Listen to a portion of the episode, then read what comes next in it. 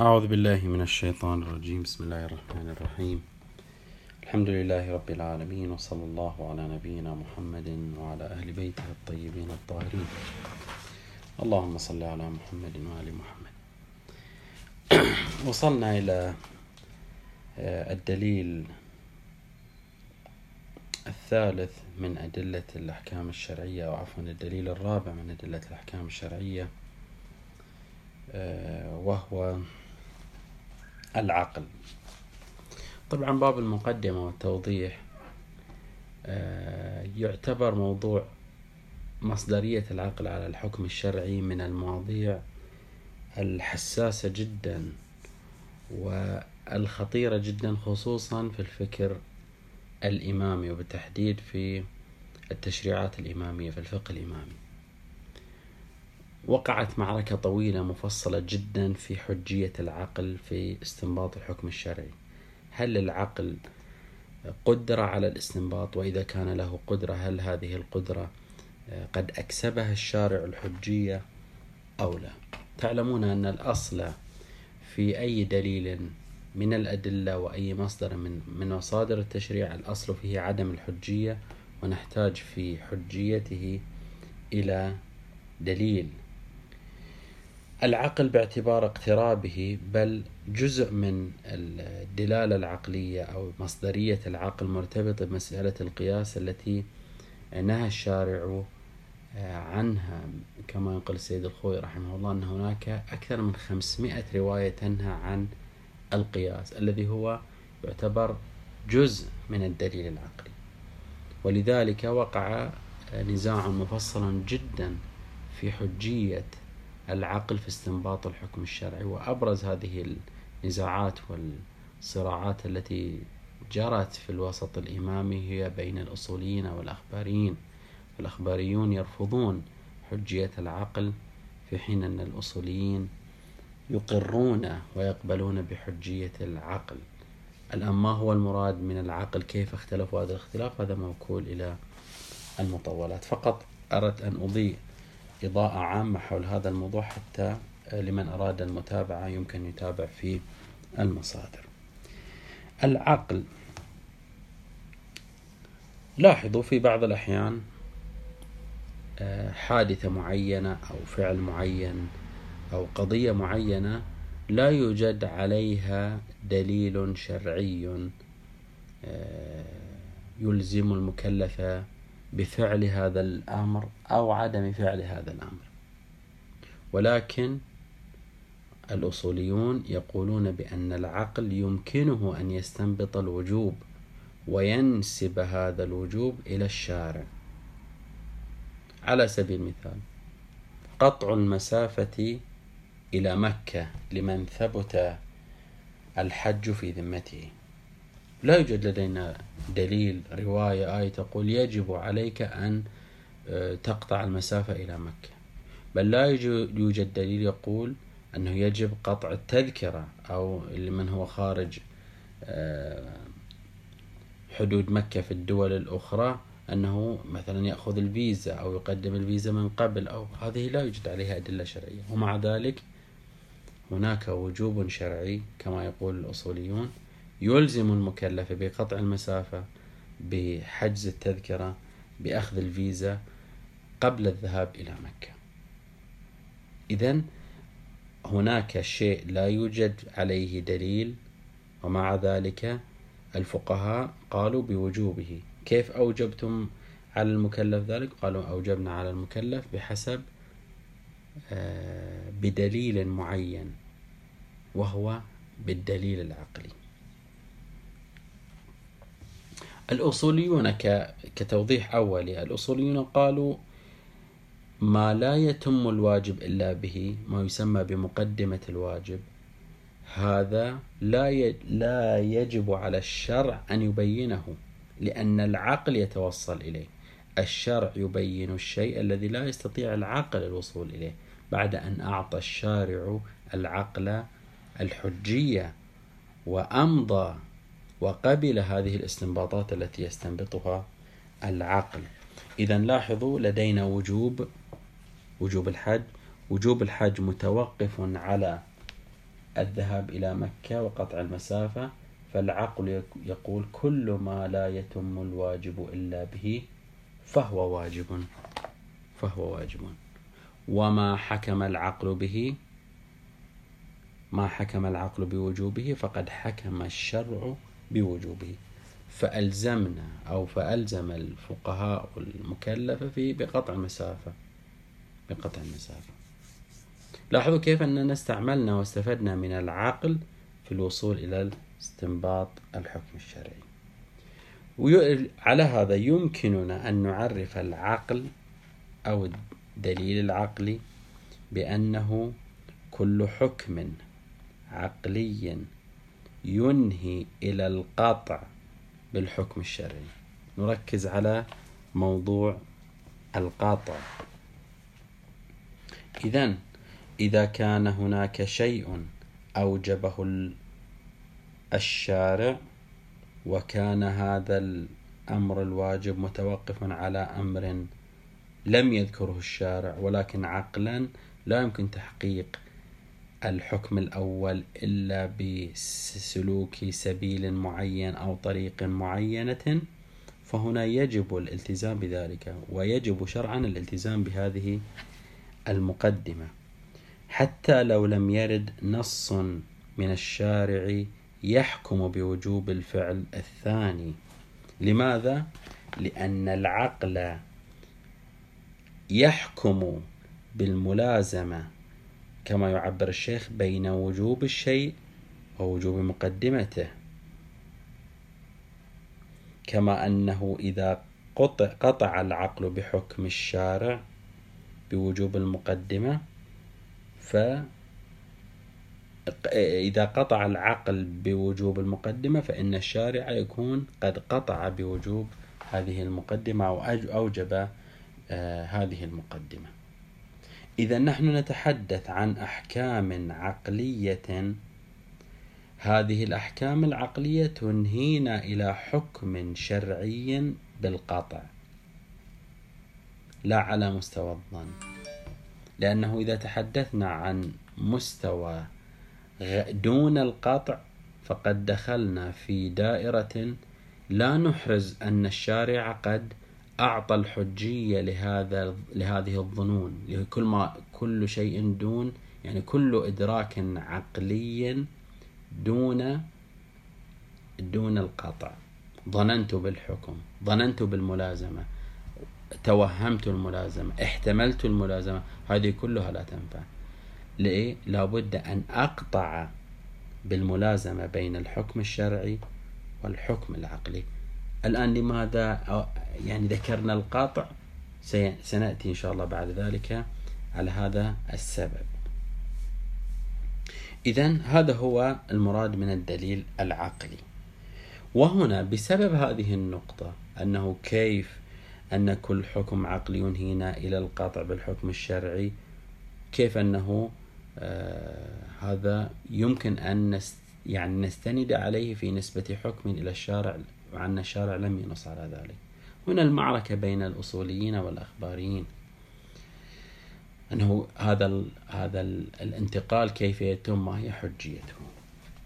ولذلك هنا آه، ذكر الشيخ دليلا على الحجية دليلا على حجية. هنا عبر في الكتاب حجية العقل لكن لعله العبارة الأدق حجية إدراكات العقل. وليست أي إدراكات إدراكات العقل القطعية واليقينية. هذه الإدراكات إذا نحن نتحدث عن الإدراكات اليقينية لا ما هو دون اليقين من ظن واحتمال ووهم. الشيخ هنا يعني يعطي صورة تقريبية لهذه الحجية وكيف أن الشارع اعتمد هذه الإدراكات في استنباط الحكم الشرعي إذا كانت بهذا المستوى وهي المستوى القطعي واليقيني.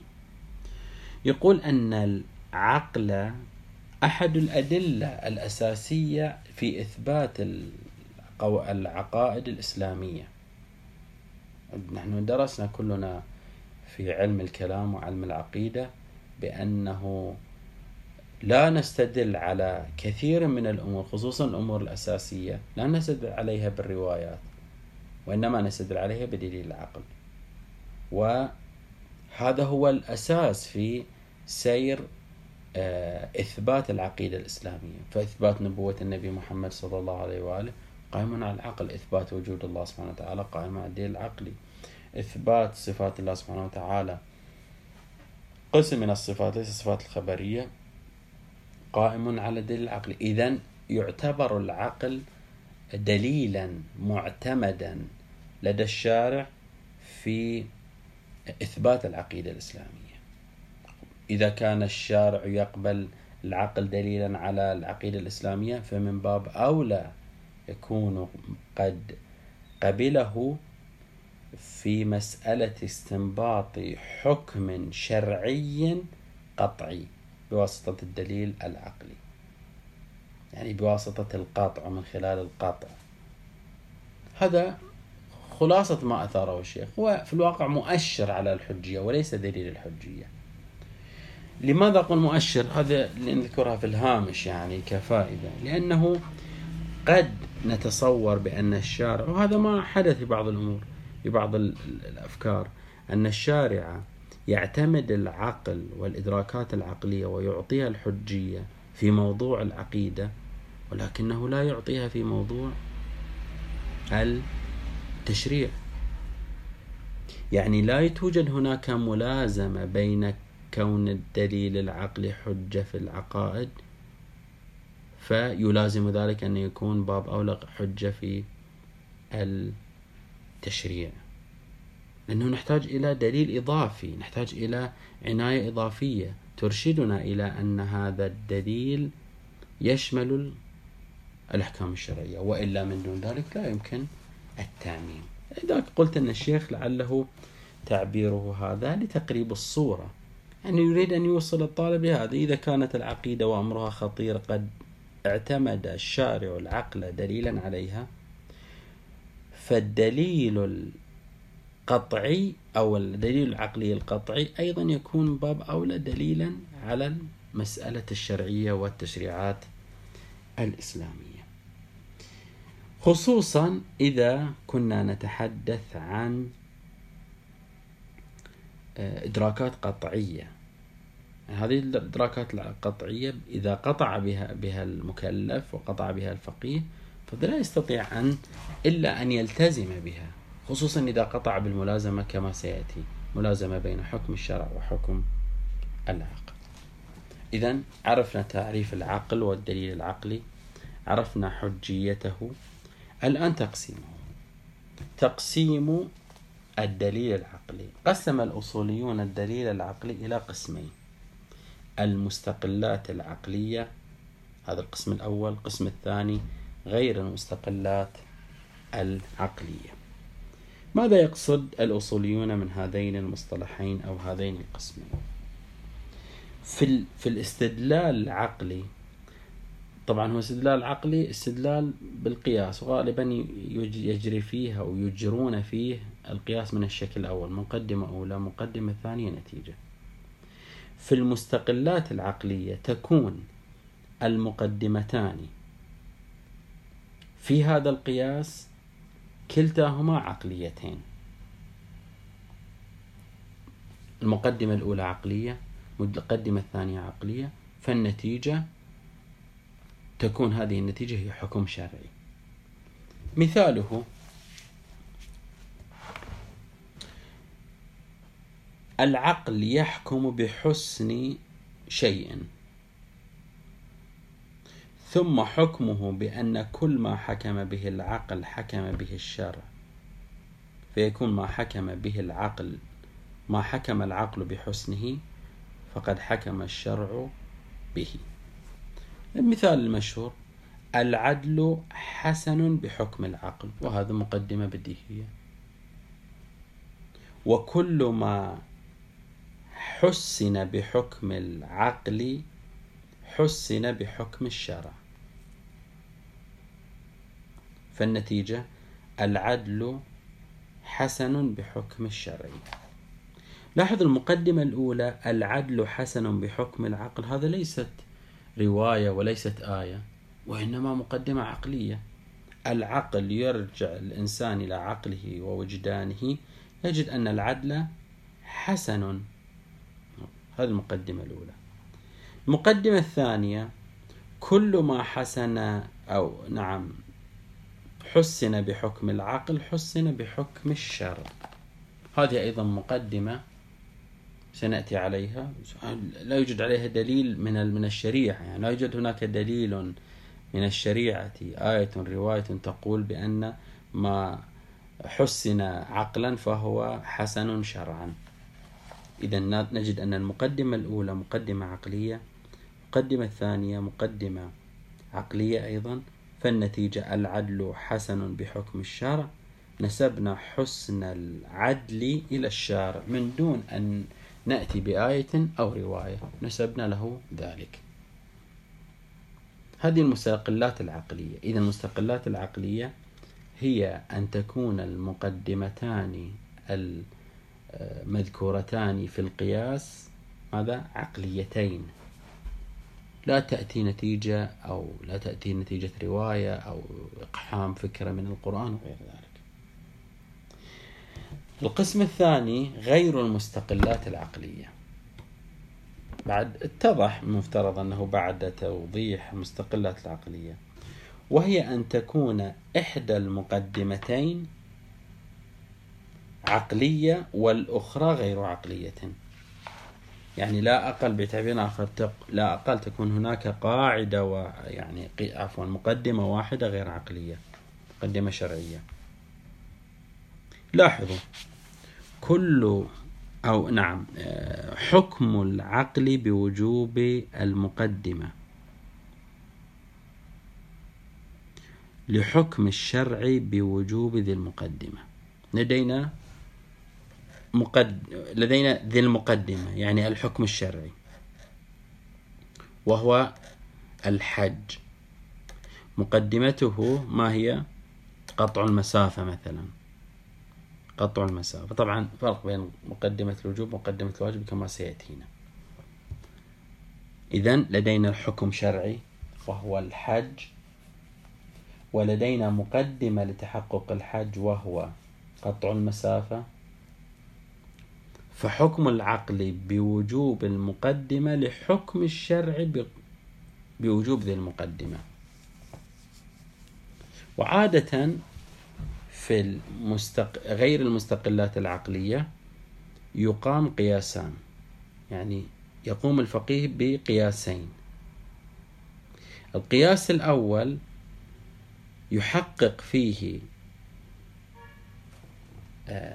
يعني يخرج بنتيجة ثم يأخذ هذه النتيجة ويدخلها كمقدمة في قياس آخر فيخرج بالنتيجة. لاحظوا.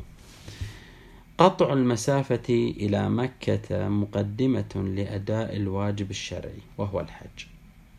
إذا أولا قررنا بأن أداء الواجب الشرعي متوقف على قطع المسافة إلى مكة أو قصد إلى قصد مكة. وكل مقدمة لأداء الواجب الشرعي واجبة بحكم العقل. إذ لا يتحقق الوجوب الشرعي إلا بالمقدمة. فاكتسبت المقدمة وجوبا من ذي المقدمة لأن ذي المقدمة وهو وجوب الحج واجب شرعا. فمقدمته ماذا تكون؟ واجبة. لاحظوا هنا ما أين الدليل؟ أين ال ال ال ال نعم القضية غير العقلية هنا؟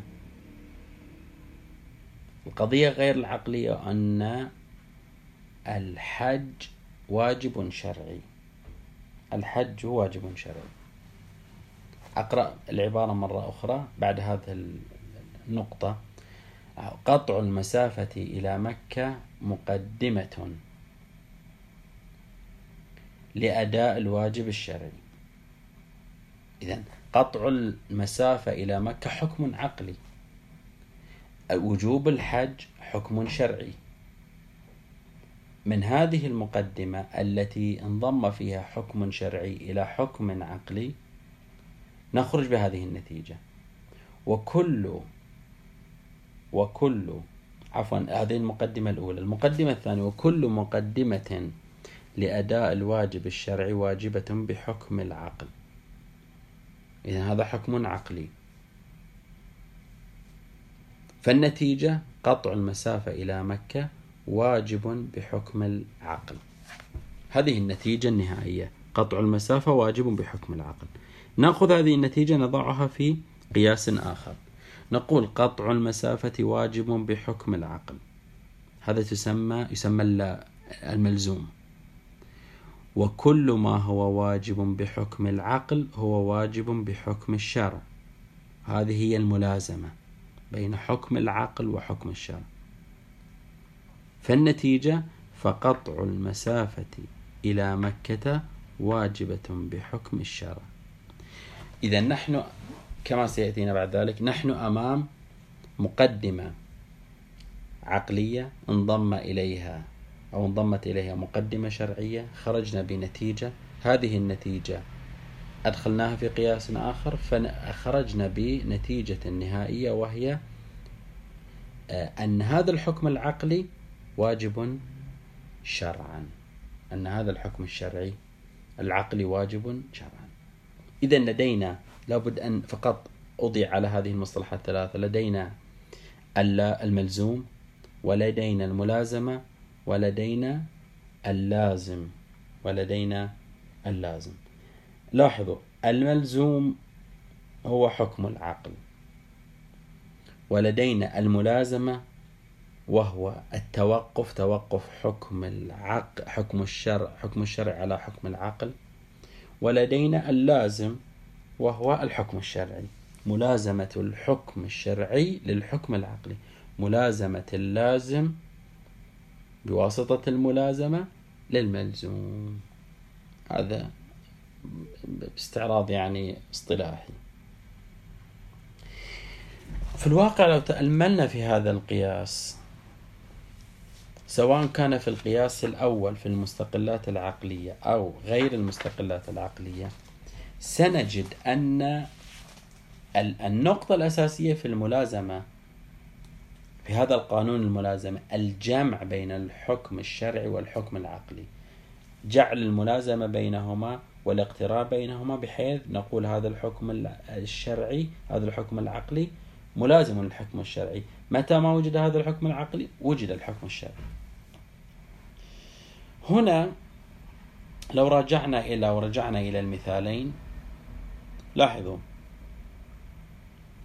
كلا المثالين متوقفين على هذه الملازمة وهي الملازمة بين الحكم العقل وحكم الشرع. بمعنى أنه متى ما حكم العقل يلازم ذلك حكم الشرع.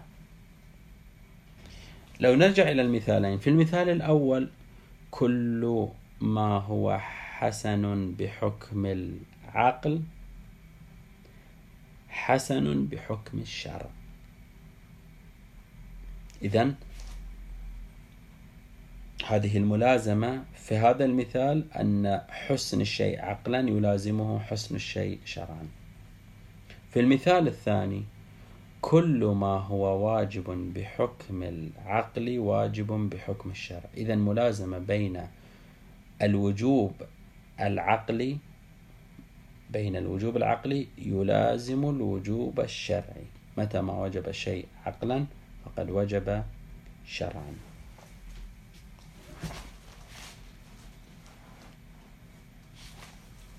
إذا نحن أمام حكم حكمين حكم شرعي وحكم عقلي. حكم شرعي وحكم عقلي. هذان الحكمان نريد أن نربط بينهما. بحيث متى ما وجد هذا الحكم العقلي ننتقل إلى الحكم الشرعي. هذه الملازمة هذه فكرة الدليل العقلي.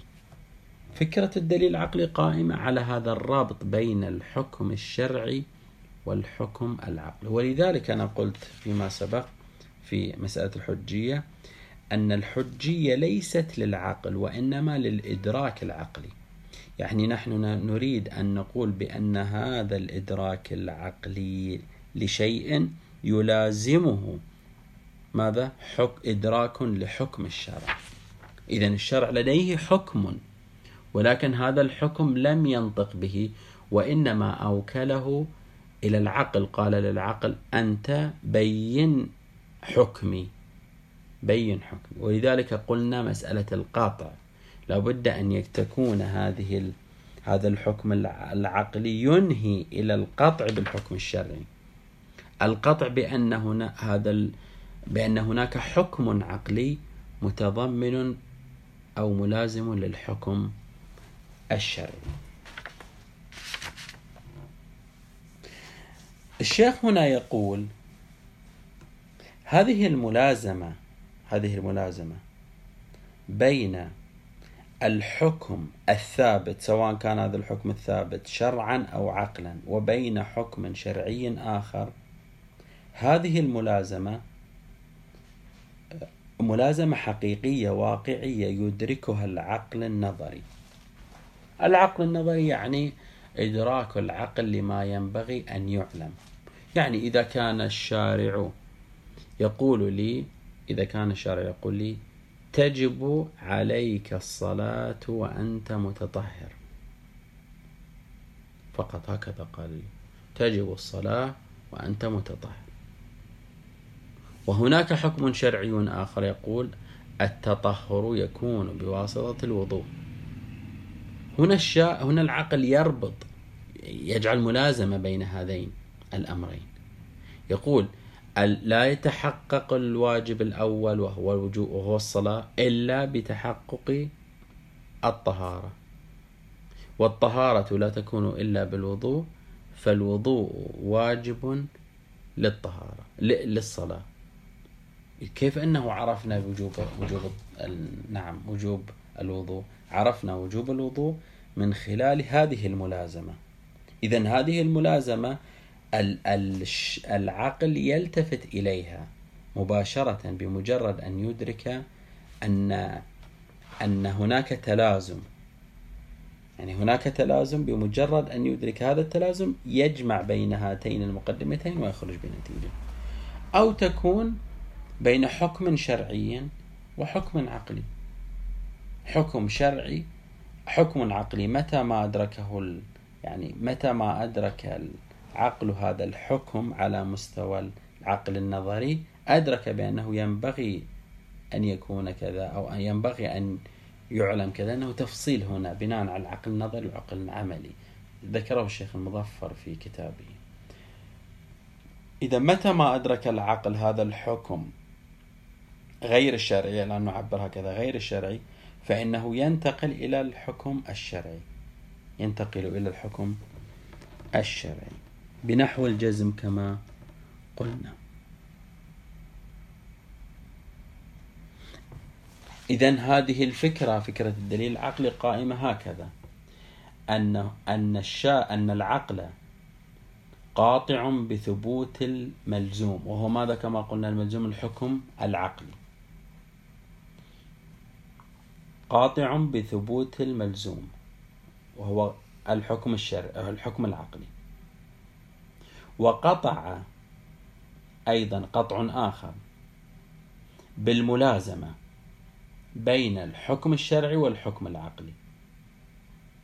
فيثبت بذلك يعني قطع بأن هناك ملازمة بين حكم العقل وهو المفترض أنه قاطع به وبين الحكم الشرعي. فإنه كما يعبر الشيخ فإنه لا بد أن يقطع بثبوت اللازم. ما هو اللازم؟ هو الحكم الشرعي. وبتعبير آخر لدينا حكم شرعي لم ينص عليه ولكن لدينا حكم عقلي لدينا حكم عقلي. هذا الحكم العقلي ملازم للحكم الشرعي. فمتى ما يدرك العقل هذا الحكم العقلي ينتقل مباشرة إلى الحكم الشرعي. فينسب هذا الحكم العقلي إلى الحكم الشرعي. هو ماذا فعل؟ هو كشف عن الحكم الشرعي. لم يأتي يعني لا نتصور أن حكم العقل يعني العقل يضع حكما من عندياته. وهذا ما تصوره بعض الأخباريين. قالوا كيف تقولون أن العقل؟ العقل ليس له حق التشريع. الأصوليين يقولون لا العقل هنا لا نعم يشرع العقل يكشف عن حكم شرعي مضمر إن صح التعبير. من خلال الملازمة التي عرفها أن هناك ملازمة متى متى ما ثبت هذا الحكم العقلي فإن يلازمه حكم شرعي. أدرك الملازمة قطع بالحكم العقلي فبقطعه بالحكم الشرعي وضم الملازمة ينتهي إلى الحكم الحكم على الملزوم وهو الحكم الشرعي وبوجوب الحكم الشرعي. ولذلك هنا الشيخ يقول وعليه نقل عن الشيخ المظفر فهذه الملازمات العقلية هي كبريات القضايا العقلية. يعني قضايا كلية قواعدية التي بضمها إلى صغرياتها. ما هي صغرياتها؟ الحكم الشرعي الحكم العقلي بحسن الصدق. إذا حكم العقل بحسن الصدق فهذا يلازم الحكم الشرعي الآخر بحسن الصدق. هو حسن الصدق شرعا لم ينتجه العقل إنتاجا وإنما اكتشفه اكتشافا كشف عنه لأن هناك ملازمة بين الحكم العقلي وبين الحكم الشرعي. وبين الحكم الشرعي.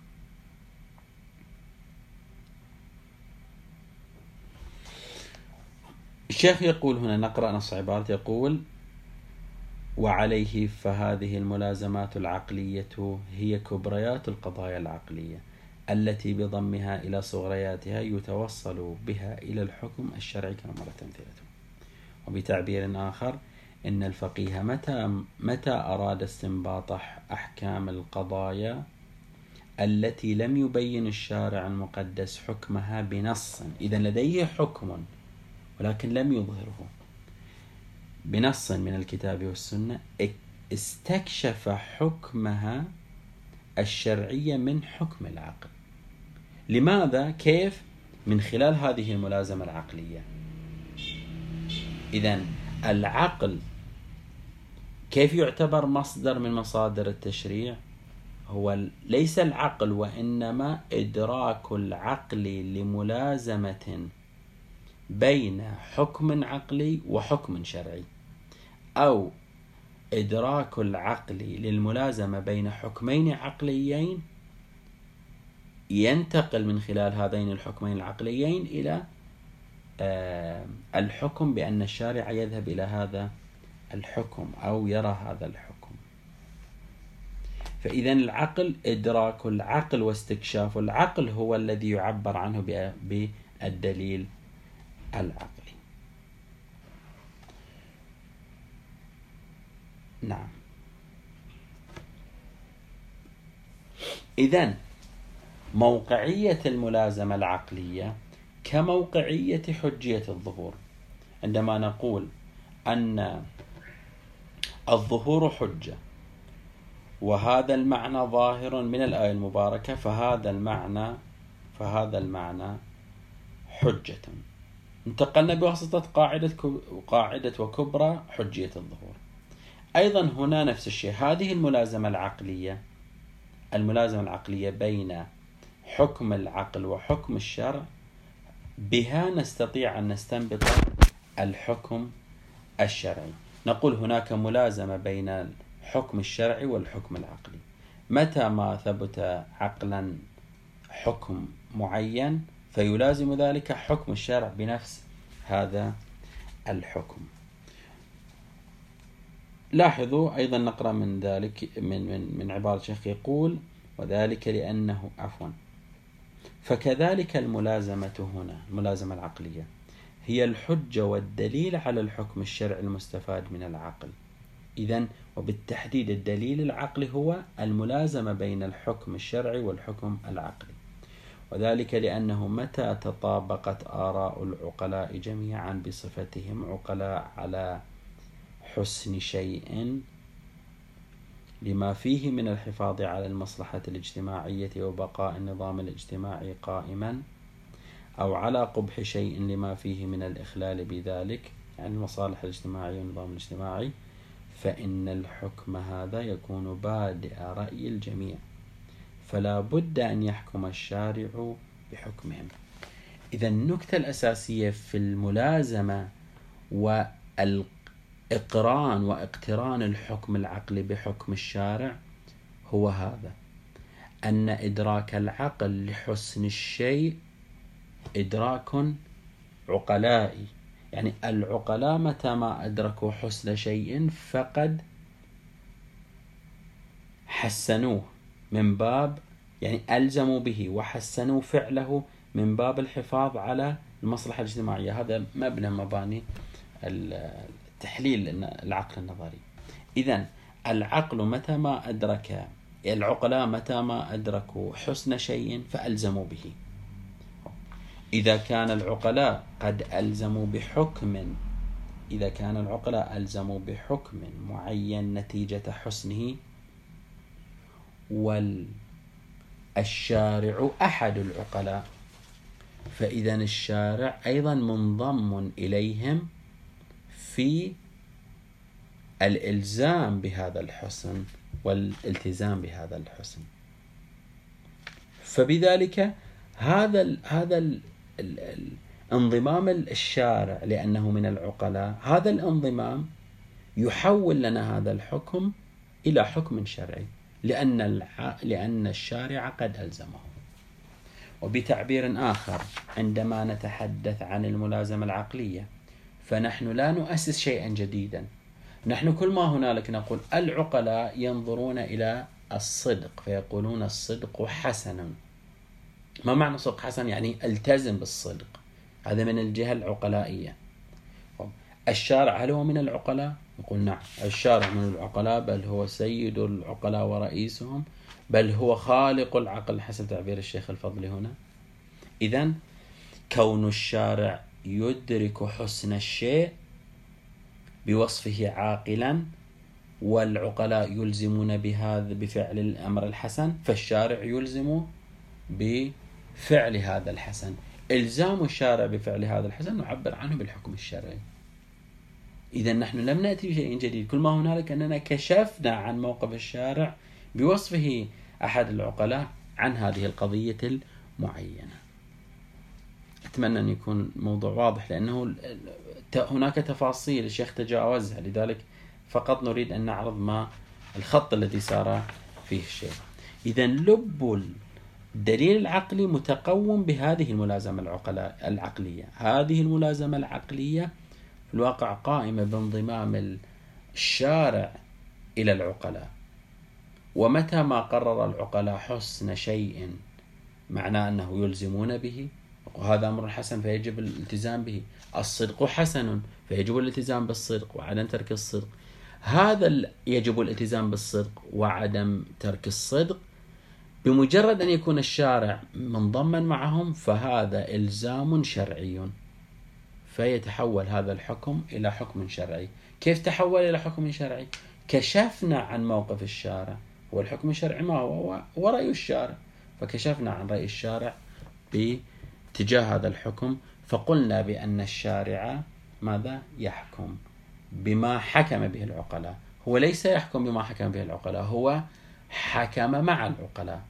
حكم مع العقلاء ولكن حيث أننا ننتهي في المرحلة الأولى ندرك هذا الحكم عقلا ثم بعد ذلك نقول هذا هذا الحكم لأن العقل قد حكم به فالشارع لا بد أن يحكم به. لماذا لا بد أن يحكم به؟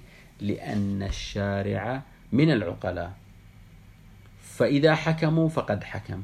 ودمنا أدركنا قطعا بأننا كعقلاء حكمنا بحسن هذا الشيء فالشارع منضم إلينا فيجب الالتزام بهذا الشيء يعني أن هذا شيء حكم شرعي. أتمنى أن يكون موضوع قد اتضح. وقواعد الملازمة كما في دراسة الظهور. وفي دراسة الظهور ذكرنا خمس مفردات العام والخاص المفاهيم الإطلاق والتقييد وغير ذلك. أيضا قواعد الملازمة في المستقلات العقلية وفي غير المستقلات العقلية تناولوا مفرداتها. تناولوا مفردة التحسين والتقبيح كمصداق من مصادق الملازمة وتناولوا موضوع الإجزاء مقدمة الواجب الضد اجتماع الأمر والنهي دلالة النهي على الفساد وغير ذلك. إذا نحن سنسير مع هذه الموضوعات الحسن والقبح العقليين الإجزاء مقدمة الواجب الضد اجتماع الأمر والنهي ودلالة النهي على الفساد. هذا هذا الموضوعات التي نتناولها في الدليل العقلي. أما الطريقة العامة في الاستدلال أولا نتأكد من وجود الملازمة في المورد أن هناك ملازمة بين أن هناك ملازمة إحدى الملازمات موجودة. ثم بعد ذلك نقول نطبق قاعدة الملازمة العقلية وهي كل ما حكم به العقل حكم به الشر يعني مقدمة الواجب هي ملازمة عقلية. ثم بعد ذلك نقول هذه الملازمة العقلية حيث هذه الملازمة العقلية حيث حكمت بحكم معين والشارع يحكم بما حكم به العقل فالشارع يكون قد حكم بهذا هذه النتيجة فتكون نتيجة الحكم الشرعي. تفاصيل إن شاء الله تأتي في ثنايا الباحث. هذا تمام الحديث عن الخط العام والجو العام للدليل العقلي. بقيته يأتي إن شاء الله تعالى والحمد لله رب العالمين.